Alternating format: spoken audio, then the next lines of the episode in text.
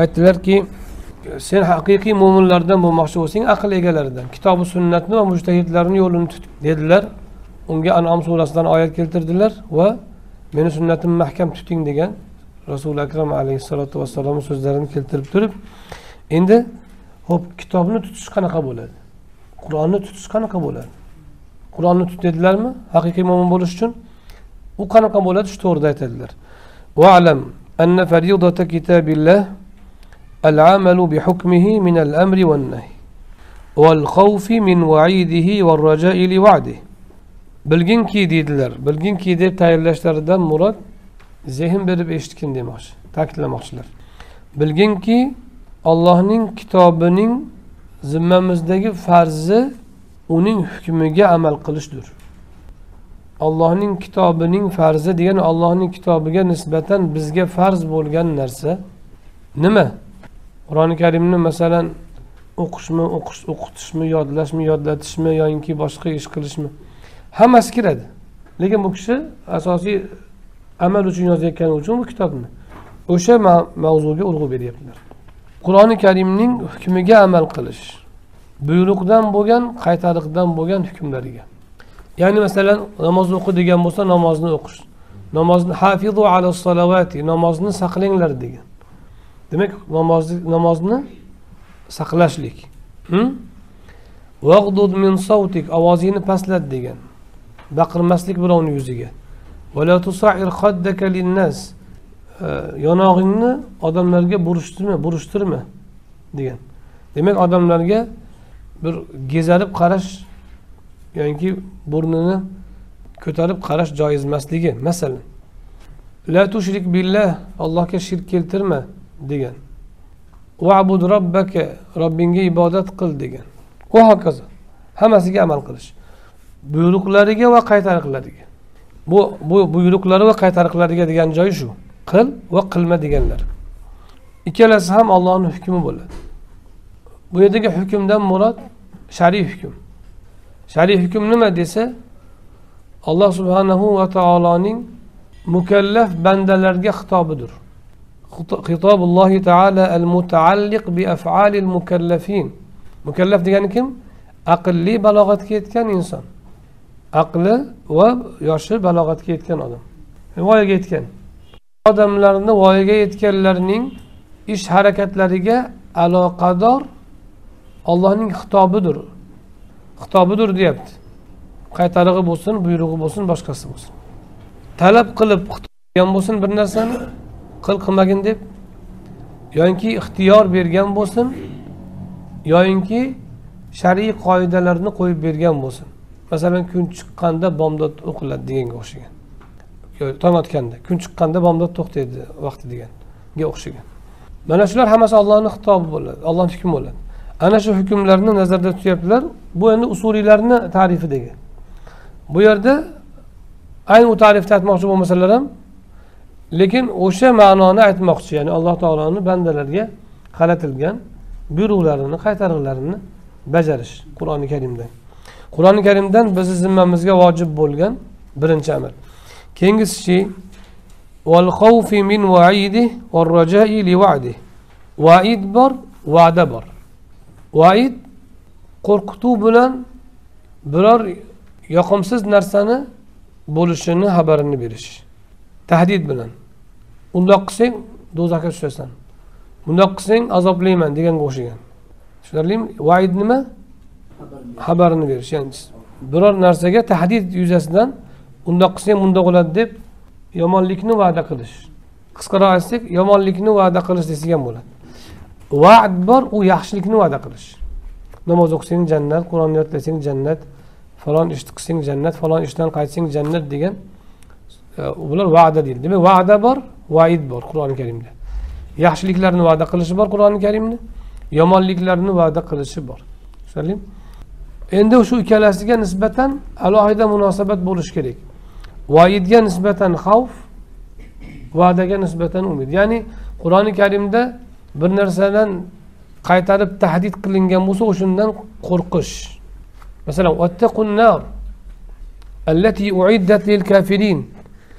kofirlarga tayyorlab qo'yilgan olovdan do'zaxdan qo'rqing saqlaning degan bo'lsa shundan qo'rqish yoyinki وأما ثمود فهديناهم فاستحبوا العمى على الهدى فأخذتهم الصاعقة صاعقة العذاب الهون samud biz ularni hidoyat qildik samud qavmini ya'ni ular hidoyatni qo'yib ko'rlikni tashlashdi ularni keyin qichqiriq tutdi hammasi halok bo'ldi. Shundan demak mutaassiblik yomonligini bilib olamiz. Hidoyat kelganda o'zimizni ko'r qilib ko'zimiz yumib olib qulog'imizni yopib olishligini noto'g'riligini bilamiz. Bu bizni halokatga olib borishini bilamiz. Mana bu vayddan qo'rqish. Tushunarlimi? Va hokazo. Mutashabihlariga iymon keltirish. Muhkamlari bor. mutashobihlari bor qur'oni karim oyatlarini أنزل عليك الكتاب منه آيات محكمات هن أم الكتاب وأخر متشابهات alloh subhanahu va taolo sizga kitobni tushirdi nozil qildi qur'onni unda kitobni asosi ummul kitob degani hunna ummul kitob degani muhkamotlar bor muhkam degani aniq belgilab qo'yilgan qat'iy degani ma'nosi qat'iy aniq aytilgan mustahkam bayon qilingan muhkam oyatlar bor. Kitobni asosi shu. Ummul kitob degani kitobni asosi shular. Va uxoru mutashabihat yana boshqa oyatlar ham bor muhkam bo'lmagan. Ular mutashobihdir mutashobih degani nima degani? Bir necha ma'noni o'z ichiga bir necha ma'noga dalolat qilolmaydi. Undoq desa ham o'sha ma'noni maqsad qilayotganga o'xshaydi bundoq desa ham. Shularga oyat iymon keltirish. Masalan alif lam mim. Nima degani? Alif bitta harfning nomi. Lam yana bitta harfning nomi. Mim yana bitta harfning nomi. Nima degani? Bilmaymiz. Olloh shunday nozil qilgan. Lekin tafsirida ulamolar juda ko'p gap aytishgan. Ammo birortasini aynan shu boshqa emas deb bo'lmaydi. Ana muhkamni aynan shu maqsad qilingan deydi bir oyatda. Bundan boshqa emas deb ayta olasiz. Yoki buni ma'nosi aniq shunga dalolat qiladi deb ayta olasiz. Ammo mutashobihdachi undoq bo'lishi ham mumkin bundoq bo'lishi ham mumkin. Azali sharifda o'tgan asrni katta ulamolaridan bittalari qur'oni karimni tafsirini qilarkan. Hamim fussilatga kelganlarida tafsirdan. Har kuni bir soatmi qancha ham dars bo'ladida endi bir soatmi ikki soat talabalar tahsir shu hamimni bir tafsir qilib bersangiz deyishibdi. Desa u kishi aytdilarki bu harf hurufi muqattaa deyiladi ya'ni hurufi muqattaa ma'nodan uzilgan harflar degan ma'noda.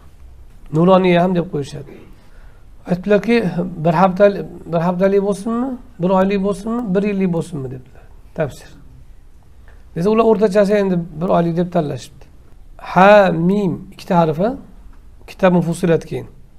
Ha mim. Shuni bir oy tafsir qilgan ekanlar keyin oxirida aytgan ekanki bu sizlarga qisqartirib aytganim debdi. Va bu mana shu fussilat hamimni tafsiri yana qo'ya oltita hamimmiki boshqacharoq debdi. Ana shu darajada katta ilmlarga ega bo'lishgan ulamolar. Ho'p shu qaydan kelgan shu shuncha ma'no desangiz o'sha tayin topmagandan allohni murodini topishga urinish hammasi. Alloh taoloni mana uni iroda qilgan bo'lishi ham mumkin. Masalan alifda alif allohni ismidan ramz.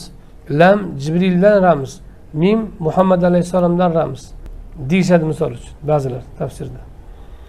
Yoinki alif lam mimdan murod yoki boshqa muqattoat harflardan murod mana shu harflar bilan biz qur'oni karimni nozil qildik. Shu harflarni o'zidan sizlar gaplashayotgan harf. Shundan sizlar ham qur'onga o'xshagan bitta kitob keltiringlarchi. Agar buni ollohdanligiga gumon qilsanglar deganga o'xshagan tanbehlar va hokazolarni aytishgan. Ana shu oyatda mutashobih alif lam mim ma'nosini bilmayapsa lekin shu bo'yi iymon keltirasiz shu vojib. Qachonki bilsam keyin iymon keltiraman demaymiz. Nimaligini? Yo'q. Shu turishida ollohdan nozil bo'ldimi shu bo'yi qabul qilamiz. Ana endi tafsiri allohni maqsadi murodini bilishga urinish ijtihod u yoq bo'lishi mumkin. Ammo biz uni ijtihodiga kirishishdan oldin uni tushunish tushunmasligimizdan qat'iy nazar qabul qilamiz. Shunga o'xshagan yana boshqa mutashobiy oyatlar bor. Ularni ham boricha qabul qilamiz. O'zgartirmasdan qabul qilamiz. Tushunarlimi? Mana shu. Demak qur'oni karimni oldidagi bizni zimmamizdagi farz? Buyruq qaytarig'larini qilish qo'rqitganidan haqiqatda qo'rqib va'dalaridan haqiqiy umid qilish hamda mutashobihlariga iymon keltirish. Oli imronda o'sha mutashobih oyatlar haqida gapirganda mutashobihlar bor muhkamlari bor dedi. Keyin aytadiki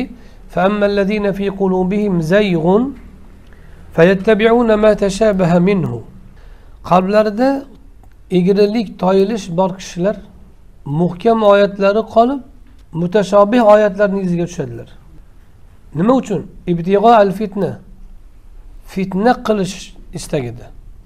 Vabtig'o tavili aniq ma'nosi tavili ya'ni buni voqealigi tadbig'ini bilaman deb yoki aniq ma'nosini bilaman deb. Uni tavilini ollohdan boshqasi bilmaydi. ilm ilmda mustahkam bo'lgan kishilar hammasi robbimizdan deb iymon keltiradilar. yuqoridagi oyat albab haqida gapirgandiku haqida. albab faqat aql egalarigina lub egalarigina ya'ni ongli kishilargina eslatma oladilar. Mana shu oyati karimada mutashobih oyatlarni ketiga tushish qalbida egrilik borligining qalbi zalolatga ketganining belgisi ekanini aytadi. Shuning uchun biz aytamizki qaysi musulmonni ko'rsa aqidangiz nima deb keyin o'sha olloh istivoni ma'nosini so'rab ollohni qo'lini nima deysiz deb shunaqa imtihon qilish shu qalbida egrilik borligini belgisi shu. Zalolatga ketganini birinchi belgisi shu. Qalbi fitnaga tushgan uni. O'sha uchun fitna qilib yoki odamlarni sinayman deb mutashobihlarni iziga tushadi. Qur'oni karim bayon qilib qo'ygan mutashobihlarni iziga tushganlarni bilavering o'sha zalolatdagilar o'shalar. Aqidani ham o'qitganda o'sha toifadagi odamlar birinchi bo'lib ollohni birligini ko'ruvchiligini boshqa sifatlarini o'qitib kishilarni isloh qilish isloh bo'lishi uchun o'qitmaydi.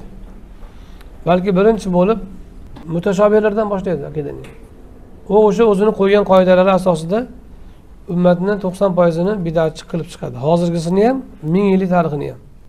Biz aqidani haqiqiysini yoyapmiz tavhid yoyapmiz degan yolg'on davo bilan odamlarni keyin aldaydi mana shu kayfiyatni o'zi bilavering o'sha odamni qalbida toyilish bor.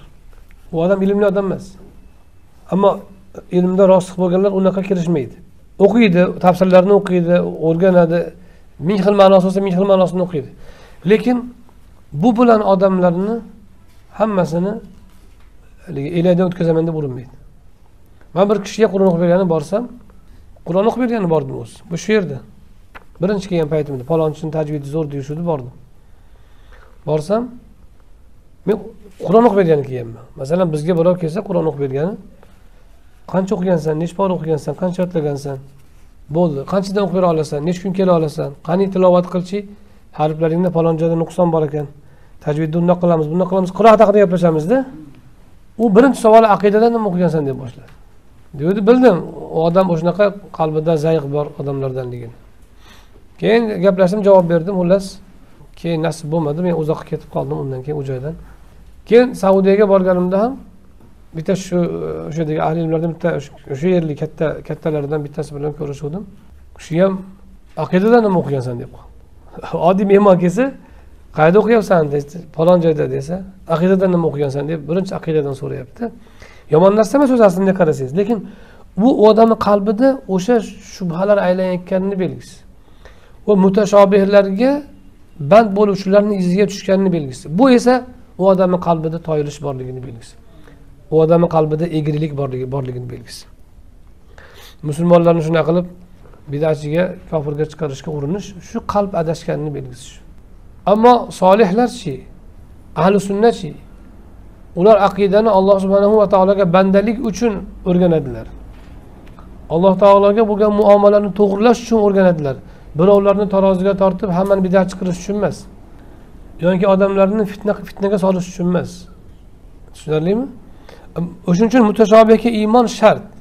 Bu iymonni shart qilayotganlarini boisi ba'zi toifalar chiqqanki aqlimizga to'g'ri kelmasa olmaymiz degan. Mutashobihni tushunmasa olmaymiz degan. O'shalarga raddiya bermoqchiki mutashobihga ham iymon keltirishing shart. Shuningdek yana ba'zi toifalar chiqqan. Qur'oni karimni zohirini olamiz. Qur'oni karimni e, borini zohirini olamiz degan davo bilan alloh taoloni insonga o'xshab tasavvur qiladiganlar bo'lgan. Mushabbihalar mujassimalar chiqqan. Ular mutashobih oyatlarini albatta tushunib tushunishim kerak albatta men tasavvur qilishim kerak deb o'ylaydi. Tasavvur qilmaguncha iymon keltirmaydi. Narigi toifa bilan ikkalasi bitta tangani ikki tomoni oldi orqasi. Oldingi toifa tushunmagani uchun iymon keltirmaydi. Bu tasavvur qilmaguncha iymon keltirmayman deb tasavvur qilib iymon keltiraman deb tasavvur qilishga urinadi. Ikkalasi ham adashgan. Mutashobihda alloh taolo bandalarni aqlini imtihon qiladi. Alloh taologa so'ziga modam iymon keltirdingizmi?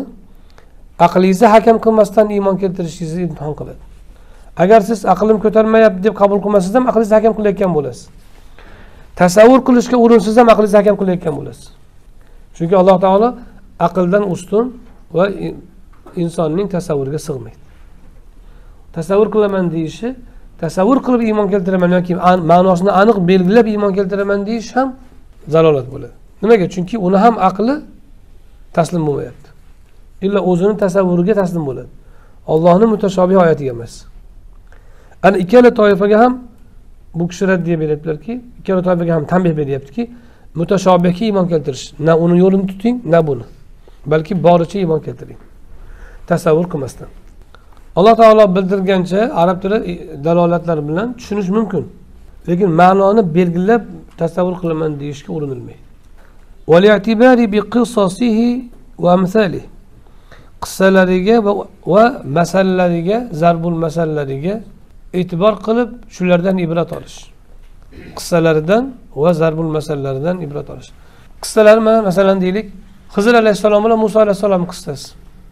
Muso alayhissalom hizr alayhissalomni istab bordilar. Alloh taolo buyurdi pistavatga baliq sovolasan ikki dengiz qo'shilgan joyga borasan o'sha yerdan topasan dedi o'sha qissani boshida nimadan boshlandi? Muso alayhissalomni va'zlarini eshitib u kishidagi ilmlardan qoyil qolgan kishilardan bittasi turib so'radi. Ey muso dunyoda sizdan ko'ra olim odam bormi? degandi u kishi o'ylab turib yo'q deb yubordilar shunda alloh taolo u kishiga tanbeh berdiki sendan olim bor sendan ko'ra ilmlisi bor. Degandi muso alayhissalom ey parvardigor tavba qildim. O'shanga meni dalolat qil o'shanga topayin o'shani keyin o'sha alloh taolo ishora qilgan joyga bordilar. O'sha yerda hizr alayhissalomni ko'rdilar. Va u yog'i uzun hikoya shu hikoyani masalan o'qidingiz birinchidan nimani o'rganamiz muso alayhissalomni shunchaki birov so'ragan savoliga bergan o'zini bilgan xabarini berganlarida ham o'zlaridan ko'ra olim odamni topolmasdan yo'q deganlari ham allohga ma'qul kelmagan.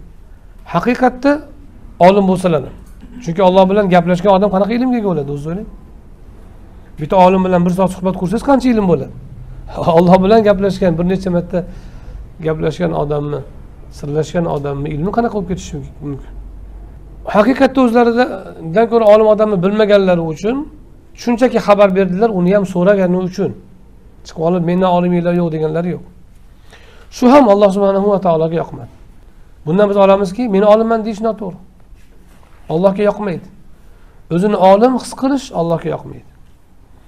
O'zini boshqalardan bilimdon tuyish allohga yoqmaydi. Mana bitta ibrat olamiz. Keyin muso alayhissalomga sendan ko'ra ilmli bandam bor degandi muso alayhissalom meni menga dalolat qilib o'sha yerga boraman dedi. O'sha kishini oldiga boraman ilm olaman qarang alloh bilan necha marta gaplashib qancha ilm olgan odam dunyoda haqiqatda o'zidan ko'ra olim odamni topolmagan odam o'zidan ko'ra olim bitta odamni eshitib qolibdida o'shanga ishtiyoq bildiryapti. Demak biz o'zimizdan bir pog'ona bir ikki ellik baland odamni ko'rsak ilmda o'shanga talpinadigan bo'lishimiz kerak. Payg'ambarlarni axloqi shu. Muso alayhissalomga nima kerak edi payg'ambarlik bor tavrot bor vahiy bor. Nima kerak edi o'sha odamni oldiga borib ilm olishni ilmga tashnalik payg'ambarlarni axloqi ekan. Ilm izlash payg'ambarlarning ishi ekan. Va ilmga to'ymaslik payg'ambarlarni odati ekan axloqi ekanini ko'ramiz biz. Va alloh taolo hizr alayhissalomni falon joyda topasan deb oson joyda aytmadi. Ikki dengiz qo'shiladigan joy uzoq joyni aytdi. Muso alayhissalom ketdilar. Bu safarimizda juda qattiq bir mashaqqatga qoldik deb aytdilar. Demak ilm mashaqqat bilan olinadi. Olim ham xotirjam bo'lib menga mana shu ilm yetadi deb to'xtamasin o'zidan ko'ra olimni topsa o'shani oldiga borib tizalab o'tirsin. Menga yetadi degan gap degan odam o'sha odam tugagan bo'ladi o'zi. Va ilm yo'lida mehnat qilinadi. Alloh muso alayhissalomga osongina topishini muyassar qilib qo'ymadi.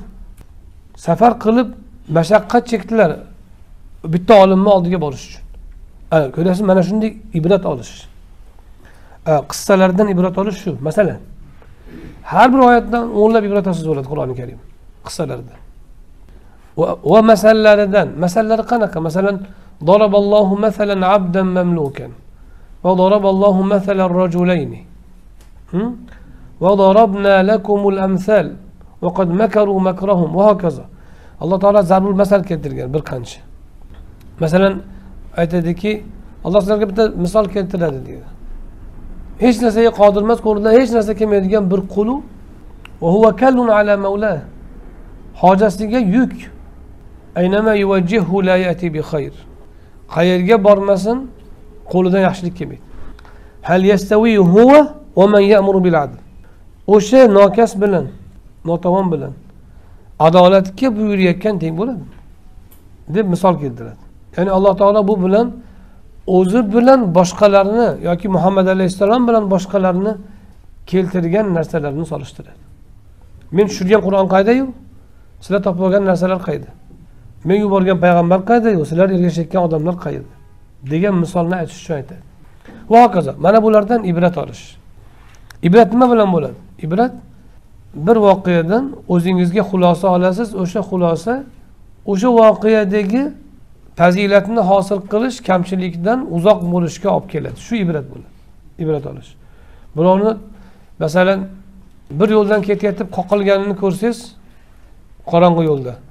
Yorug'i yurasiz yorug'ini chirog'i borini topib yurasiz. Toinki unga o'xshab toyilmaslik uchun. Shu ibrat olish. Lekin qoqilganini ko'rib orqasidan borsangiz ibrat olmagan bo'lasiz. Ko'rayotgan bu sizni. Birov umrini isrof qilgani uchun masalan otamiz afsus qilyapti. Yoki masalan man sizlarga gapiraman. Mani umrim ko'p qismi isrof bo'lgan deyman. Misol uchun. Sizlar isrof qilmanglar deyman. Chunki men palon palon yilda palon narsa qilganman palon vaqt o'tkazganman. O'shani o'rniga palon palon palon narsalarni o'qisam yaxshiroq odam bo'lardim deyman sizlarga. Ko'p aytaman buni gapni? O'shani eshitib ibrat olishingiz kerakki o'sha biz qilgan xatoni qilmasligingiz kerak. Mana shu ibrat olish bo'ladi. Lekin eshitib xuddi o'shani qaytarish bu ibrat olmaslik bu bilim bilim bor lekin ibrat olish emas. Demak ibrat olish bilim olishdan boshqa narsa. Qissalarini bilib olish o'rganish emas ibrat olish. Balki undan xulosa yasab shunga shunga yarasha harakatlanish ibrat olish bo'ladi. Demak qur'oni karimni farzlaridandir zimmamizda keltirgan qissalardan ibrat olish. Shuningdek qur'oni karimda men bu yerda qo'shimcha qilmoqchiman. Bu kitobda hozir e, shu bular misollarni aytdilar. Bundan tashqari ham ko'p narsani olishimiz mumkin. Qur'oni karimni har bir oyatidan o'nlab yoki yuzlab ma'nolarni chiqarish mumkin. Qur'oni karim juda katta ilm. Siz uni o'zbekcha tarjimada o'qib olib yoyinki biror kishini oyatda aytgan tarjimasini eshitib qur'onni bori shu ekan deb o'ylamang.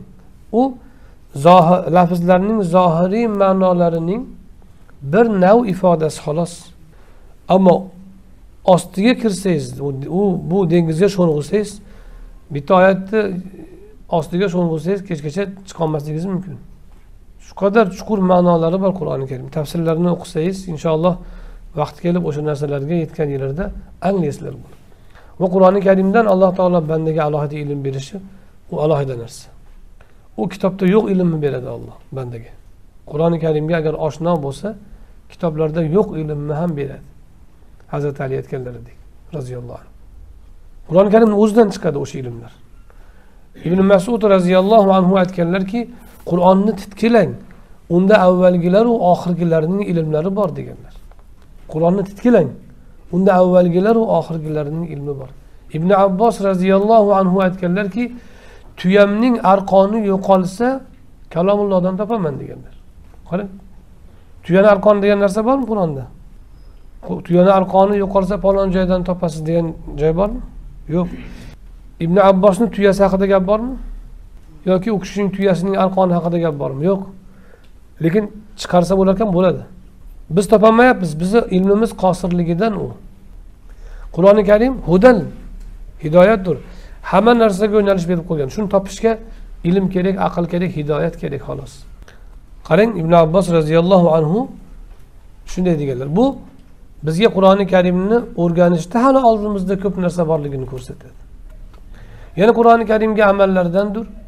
Masalan bitta oyatda keldi oyatda keldiki bu bu narsada inna fi zalika la ayatin li liqaumin yatafakkarun masalan. Fikr yurituvchilarga oyat belgilar bordir dedi. Nimaga belgi bor? Alloh taologa dalolat qilguvchi belgilar bor. Qanday dalolat qiladi? Zotining borligiga sifatlarining kamoliga dalolat qiladi.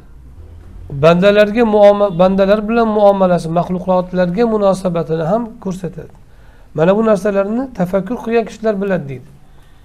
Oyatlar shular ya'ni oyat bordir degani dalolat qiluvchi belgilar bor. Oyat deb nimani aytadi? Masalan siz yo'lda ketayotgan bo'lsangiz qohiraga chapga asyutga o'ngga toshkentga to'g'riga deb qo'ysa misol uchun o'shalar belgilar. Qur'oni karimda shunaqa ko'rsatkichlar bor. O'shalar oyatlar. Oyatni ichida shunday ko'rsatkichlar bor. Shular oyat. O'sha ko'rsatkichlar sizni ollohga olib boradi ollohni sifatlarini bilishga olib boradi ollohni maxluqotlarga nisbatan munosabatini bilishga olib boradi ollohni tanishga olib boradi koinotni anglashga olib boradi insonni anglashga olib boradi juda ko'p ilmga olib boradi shu paytda endi qur'onga amal jumlasidandir. Tafakkur qilganlarga degan joyda to'xtab tafakkur qilish. Aql yuritganlarga degan joyda to'xtab aql yuritish. Olimlarga degan joyda to'xtab yoki o'sha oyatni ostidagi ilmlarni o'rganishga urinish. Yoki shu oyatni tushunadigan darajadagi olim bo'lishga urinish. Hammasi qur'oni karimga amallardandir. Yoki qur'oni karimda alloh taolo o'zini tasvirlaydi ya'ni sifatlarini. Imomi jafar aytganlarki alloh taolo qur'oni karimda qilgan ya'ni o'zini qilgan. Odamlar ko'rmaydi xolos degan. Siz qul huvallohu ahadni alloh taoloni yaxshi ko'rasiz yaxshigina taniysiz. Tavhid surasi ixlos surasi. Ollohni vasflari sifatlari keladi. Tabbatdachi tabbatda ham ollohni ma'rifati bor. Abu lahabni nima uchun alloh taolo la'natladi o'sha surada? Qo'li qurisin dedi. Muhammad alayhissalotu vassalomga dushmanlik qilgani uchun. Bu yerdan alloh taoloni bandalarga muomalasini bilib olasiz. Olloh o'zini bandalari uchun o'ch olar ekan degan. Ana. Ollohni tanish jumlasida ma'rifat jumlasidandir bu. Tepasida idajani aytdimi? Ollohni nusrati kelsa fath kelsa tasbeh ayting. Robbingizga hamd ayting dedimi demak alloh taolo bandasiga bergan ne'matini ustida uni zikr qilishini olar ekan keyin fath kelsa nusrat kelsa tasbehga hamdga o'ting tavbaga o'ting dedimi demak payg'ambarimiz alayhissalotu vassalomga vazifalari bitishi bilan allohga forig' bo'lishni buyurgan ekan. Demak olimlar ham olloh ularga ilhom qilib yuklagan vazifani o'tab bo'lganlaridan keyin odamlar bilan mashg'ul bo'lishdan to'xtab o'zlari yolg'iz olloh bilan ko'proq bo'lishlari lozim bo'lishiniga ishora borligini ko'rsatadi. Alloh taolo bandadan nima talab qilayotganini ko'rsatadi. Izajada u narsalar yo'q lekin shu ma'no tagida bor. Ko'ryapsizmi? Mana shu narsalar ham amal qilish bo'ladi. Yoki alloh taolo bismillahi rohmanir rohim rahmat rahmat o'zini rahmat sifati bilan boshladi. Demak har ishni boshida biz rahm bilan boshlashligimiz har ishni boshini rahmat bilan g'alizlik bilan qo'pollik bilan yoyinki bir e, noxushlik bilan emas balki rahmat bilan boshlashimizni ko'rsatadi. Bir birimizga butun maxluqotga rahm shafqatli bo'lishimiz lozimligini ko'rsatadi. Va hokazo qur'oni karimni o'qisangiz boshidan oxirigacha alloh taoloni zotu sifati namoyon bo'ladi. Albatta haqiqatini tasavvur qilolmaysiz lekin siz alloh taoloni borligini va qanday zot ekanligini anglay olasiz. Alloh g'afurur rohim dedimi? Kechirimli dedimi? Kechirimli bo'lishimiz kerak. Qur'onga amal jumlasidandir. Ollohdan kechirim so'rang olloh kechiradi desa kechirim so'rashingiz bitta amal. Kechirim so'raganni kechirishi axloqini olib kechirimli bo'lishingiz bitta amal. Va hokazo. Mana shu narsalarni bu kishi nazarda tutyaptilar qur'oni karimni bizni zimmamizdagi farzlari shulardan iborat. Va shu kabi. Aytyaptilarki agar shu ishni bajara olsang qur'oni karimda shu ishni bajara olsang faqad kharajta min zulumatil jahli ila nuril ilm jaholat zulmatlaridan ilmsizlik zulmatlaridan ilm nuriga chiqibsan sen. ilmni ta'rifini ilgari ham aytganmiz ilm nur deb tamsil qilinyapti johillik zulmat deb tamsil qilinyapti. Nima uchun desa o'zi ilm bundoq ko'z bilan ko'radigan chiroqni nur boshgan nur emas u. Yoki johillik ham qop qorong'ilik emas zulmat emas o'zi asli tashqi ko'z bilan ko'radigan. Chiroyli odam johil bo'lib xunuk odam qop qora odam ilmli bo'lishi mumkin masalan. Oppoq odam johil. Demak bu ko'z bilan ko'rinadigan nur emas lekin qaysi jihatidan o'xshatyapti zulmat zulmatga va nurga ilm bilan jaholat? Desa aytiladiki odatda zulmatda nimalar sodir bo'ladi? Zulmatda inson qayerga ketayotganini bilmaydi. Qop qorong'i vaqtda bir sahroga yuring yoki shu oddiy ko'chada ham. Umuman zulmatga cho'mingda oddiy uyingiz ichida milt etgan chiroq bo'lmasa qayoqqa yurishni bilmaysiz. Yurasiz. Qayerga ketayotganingizni bilmasdan yurasiz. Va xatarli bo'ladi. Yurishingiz turishingiz. Qayerda nima borligini ham bilmaysiz. Biror narsani haqiqatini anglay olmaysiz. Bir ish qilsangiz albatta xato qilasiz. Qadam bossangiz albatta xato bosasiz. A yorug' bo'lsachi o'sha uy. Har bir narsani ko'rasiz. Ignani ham ko'rasiz. Hamma narsani anglaysiz. Qo'l oyog'ingiz bilim asosida harakatlanadi. O'ngga borsangiz bilib bosasiz o'ng qadamni. Chapga bossangiz bilib bosasiz. Yo'lda oyog'ingiz tagida yoki igna turgan bo'lsa oyoqqa sanchiladigan bosmaysiz. Ofiyatda salomatda bo'lasiz. Shu nuqta shu nuqta yoki shu jihatdan ilm va zulmat ilm va jaholat zulmat va nurga o'xshatilyapti. Olim odam shu yorug' uyda o'tirgan odam yoki yorug' yo'lda yurgan odamdaqa xotirjam iztirobsiz va aniq ilm bilim bilan qadam bosadi. Johil odam har ko'chaga o'zini urib ko'radi. Endi sen qur'oni karimni agar buyrug'i qaytarig'larini bilsang va'da vaidlaridan xavfu rajo hosil qilsang va mutashobihlarga iymon keltirib qissalardan ibrat olib masalalarini masalalaridan ibrat oladigan bo'lsang shu ishni qila olsang demak sen zulmatlardan nurga chiqibsan. Nimaga zulmatlardan deydi. Qur'oni karimda ham xuddi shunday degan. Hozir keyin pastda keladi o'sha oyat. Zulmatlar ko'p nur bitta ishlatiladi. Anvor demaydi. Quyidagi oyatda o'qiymiz uni. Endi bu bu narsalarni hosil qilsang degandan endi biz sizga savol tug'iladi. Qur'oni karimni alloh taolo biz zimmamizga farz qilgan narsa buyruq qaytarig'ini qilish ekan qayerdan bilamiz nimani buyruq nimani qaytarayotganini unga ilm kerak. Qaydan tushunamiz qissalarini unga ilm kerak. Qaydan anglaymiz masalalarini unga bilim kerak. Demak mana shu zulmatlardan nurga chiqasan dedilarmi? O'sha holatga zulmatlardan nurga chiqish uchun biz qur'oni karimni o'rganamiz. Va hamma ilmlarni o'qishimizdan murod ham shu. Biz o'qiyotgan ilmlar arab tili bo'lsin qur'onni yodlash bo'lsin fiqh bo'lsin hadis bo'lsin hammasi ayni shu maqsadga erishish uchun qur'oni karimni hidoyatini hosil qilish uchun. Robbimiz bizga nima deyayotganini anglash uchun bizdan nimani so'rashini nimani talab qilishini bilish uchun. Demak biz hozir talab ilmda ekanmiz nur sari qadam bosayotgan odamlarmiz. Bir narsa qilib qur'onni tugatib qo'yib qutulib keyin bir maza qilib xohlaganimni qilaman degan odam qur'on o'qimasdan to'xtatib qo'yaverish kerak hozirdan. Qur'oni karimni o'qishdan yodlashdan murod undagi robbimizni bizga xitoblarini anglab unga mos yashash o'shanga muvofiq yashash keyin toinki nurga chiqsin banda toinki qiyomatda ham zulmatda emas nurda bo'lsin. U odam zulmatdan nurga chiqdi bu deyaptilar.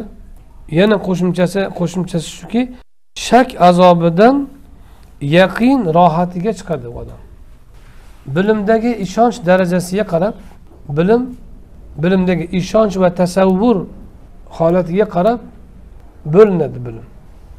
Bir narsani yuzga yuz bilsangiz ya'ni masalan deylik mana shu asirni masalan sharbatni mango ekanini aniq bilsangiz va u haqiqatdan mango bo'lsa siz mango deb aniq bilyapsiz. U haqiqatdan mango bo'lsa bu ilm bo'ladi. U bunga dalilingiz ham bo'lsa yoki iphone. Mana iphone ko'proq telefonni misol keltiraman. Yoshlar ko'proq telefonni yaxshi ko'rgani uchun.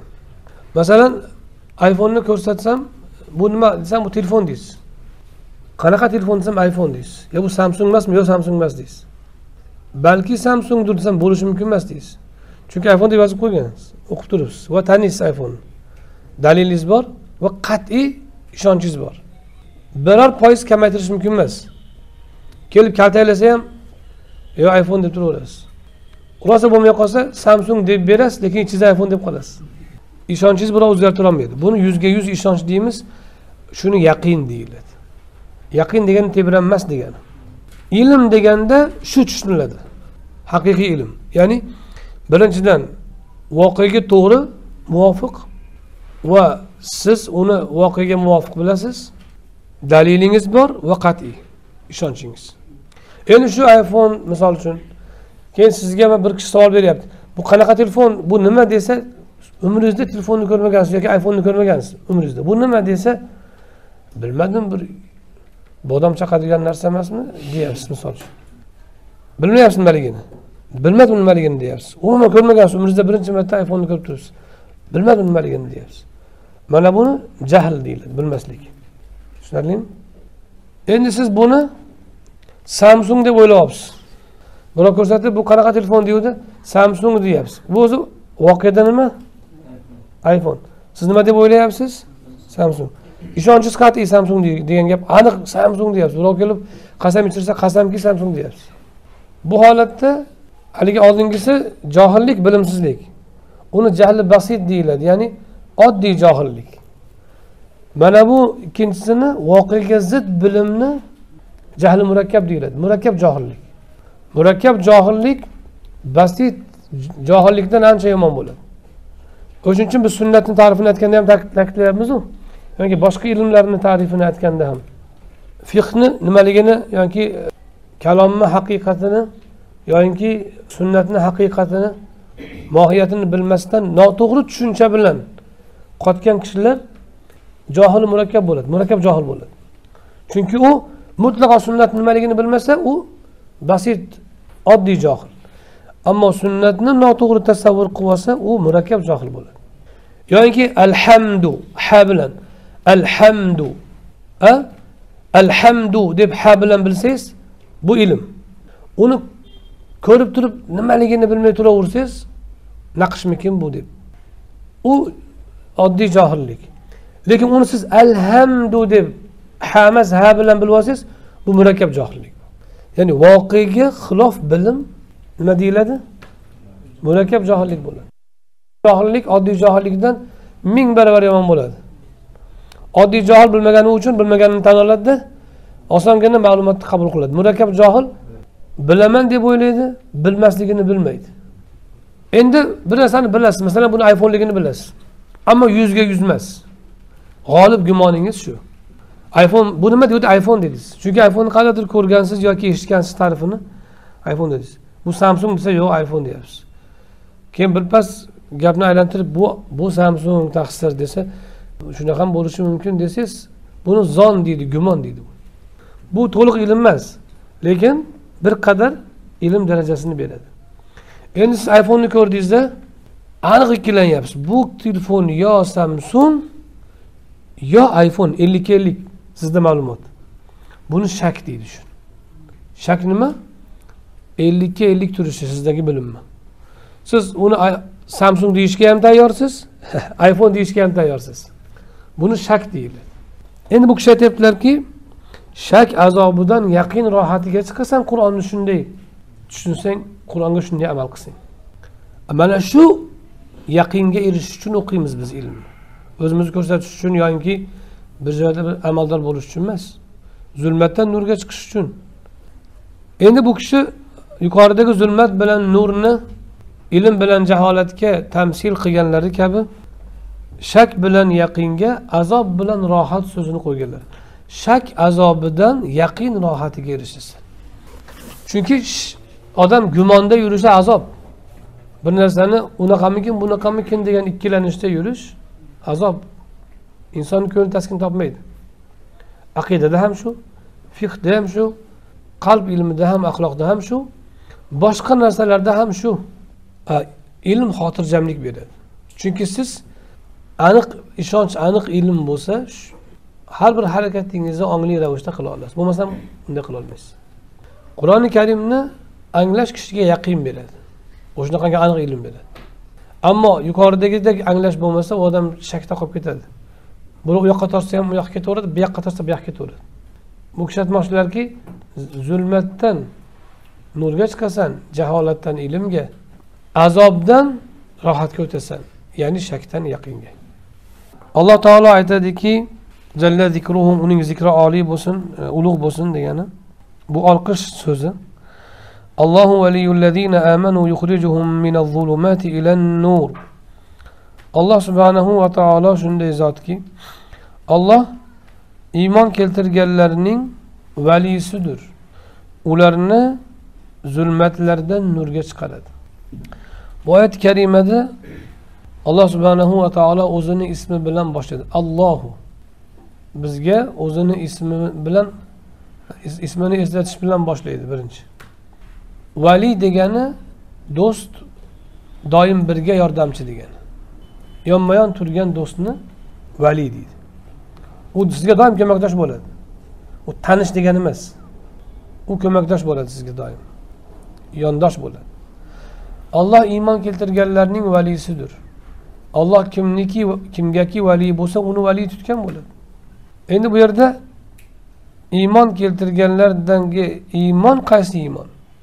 Oxiratga iymonmi? Qur'onga iymonmi? Yo boshqa narsaga iymonmi? Mutlaq mo'minlik olloh keltirgan hamma narsaga bo'lgan iymon. Rasuli akram alayhissalotu vassalom olib kelgan hamma narsaga bo'lgan iymon. Hammasiga iymon keltirsa keyin olloh unga vali bo'ladi. Yarmini olib yarmini qo'ysa olloh unga vali bo'lmaydi. Iymon bilamiz qalb bilan tasdiqlash ha? bu rukun.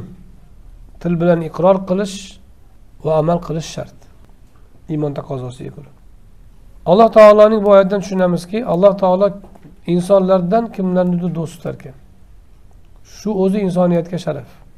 Alloh insonlardan kimlarnidir o'ziga valiy tutishi shuning o'zi katta sharaf insoniyatga. Agar u valiysiz bo'lmasangiz ham sizni jinsingizdan valiy tutishini o'zi sharaf. Alloh taoloning valiy tutishi nimaga olib keladi?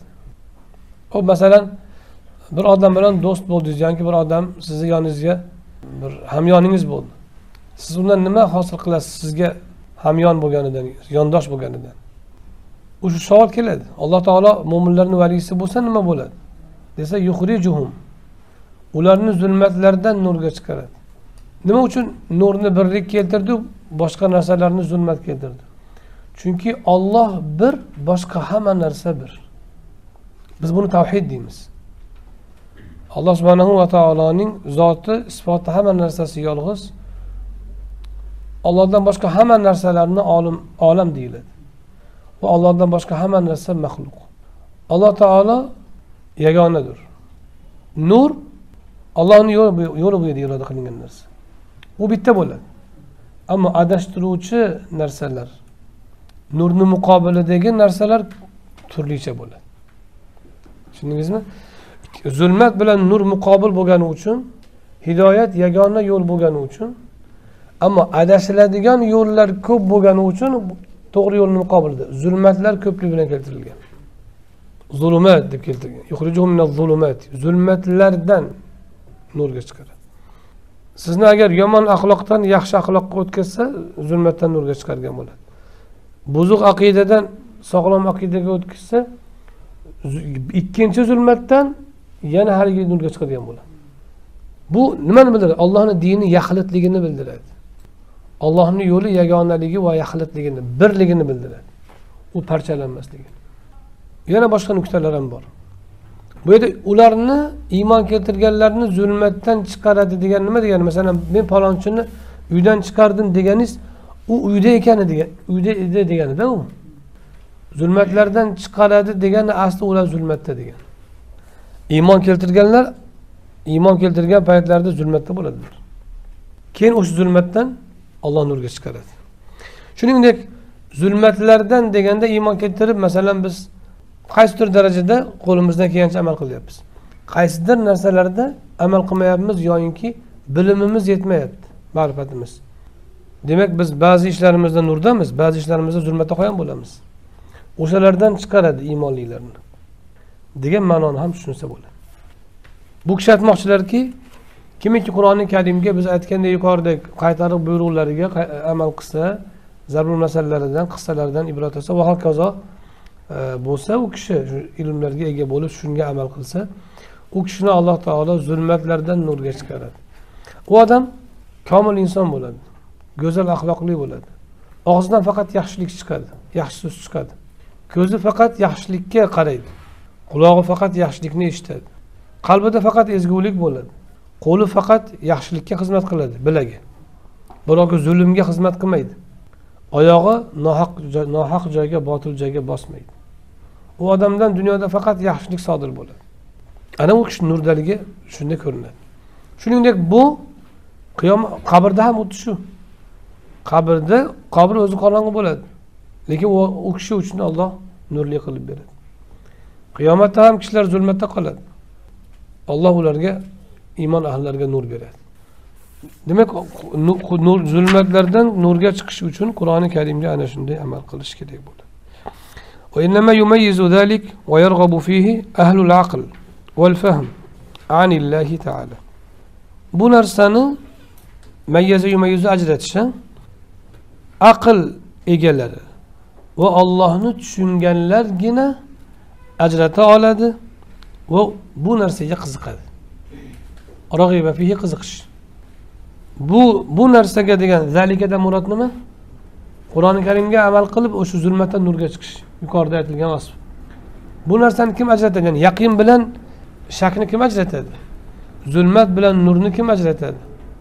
Va bu narsaga bu nurga erishishga kim rag'bat qiladi masalan? Desa aql egalari. Aql o'zi boylab qo'yish degani insonni aqli uni tutib turgani uchun nomaqbul narsalardan aql deb nomlangan. Fahm tushunish degani bu yerda fahmni mutlaq aytmayapti. Al fahm anillah. Fahm anillah degani ollohni tushunish degani ollohni tushunish qur'oni karimni kalimalarini arabchadan o'zbekchaga o'girish yoki arabiy lug'atdagi ma'nosini bilish emas balki o'sha kalomni ortidagi ollohni maqsadini anglay olish.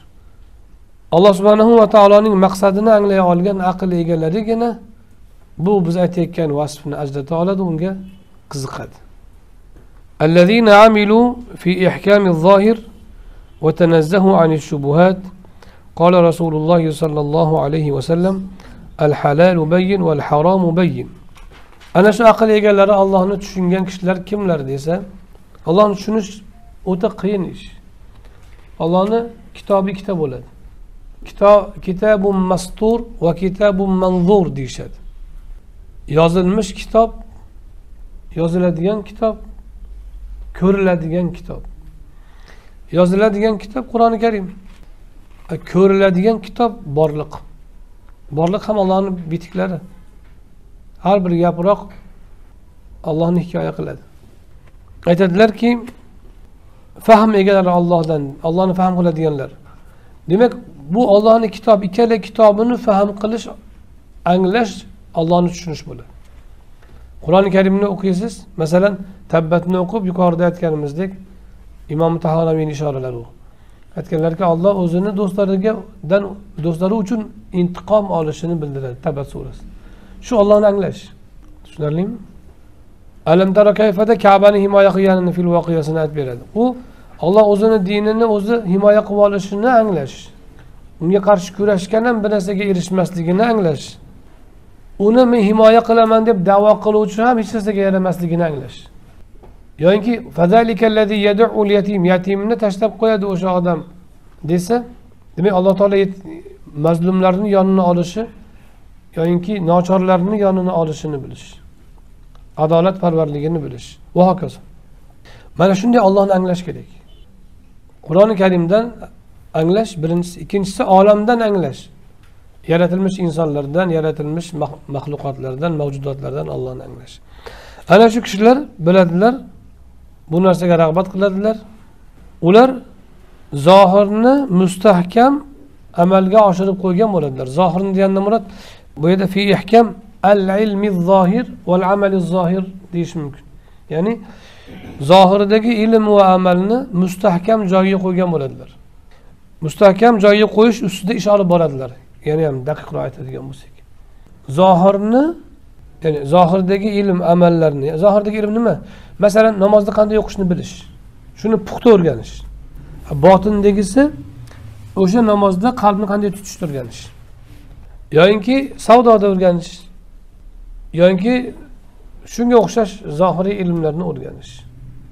Va uni amalda bajarish. Shuni ilmini o'rganib amalda bajarish mustahkam qilib joy joyiga qo'yish ustida ish olib boradilar ular. Va o'tanazzahu ani shubuhat va ular shubha narsalardan o'zlarini pok tutgan bo'ladilar. Bu kishi zohirni mahkam qiladilar deb tayinlab qo'yishdan maqsadlari nima desangiz ba'zi bir o'sha tasavvuf yo'liga kirgan kishilar ruhiy tarbiya qalb tarbiyasiga kirgan kishilar. Ana shunday ma'naviy ilmlarni u yoqdan bu yoqdan eshitib qolsa asosiy ilm shu yoqdayu deb zohirni zohiriy ilm yoki shariatni zohirini tark qilishga o'tadilar. O'shundan qaytarmoqchi. Bular zohirni ham joy joyiga qo'yadilar. Va botinni ham albatta e'tibordan qoldirmaydilar. Mani zohirim qanaqa bo'lsa ham ichim pok deganlar bo'ladiyu. O'sha noto'g'ri oldin zohir chiroyli qilib olish kerak. U ham lozim. Shu bilan birga botinni ustida ham ishlash kerak. Bu kishi tasavvufni davo qilganlar ko'pincha shariatni zohiriy hukmlariga beparvo bo'lib qo'yganlarini ko'rganlari uchun shularga tanbeh berish uchun aytmoqchilar. Shunaqa qilmaydi bular. Aql egalari. Va shubhalardan o'zlarini pok tutadilar. Tanazzuh o'zini pok tutish.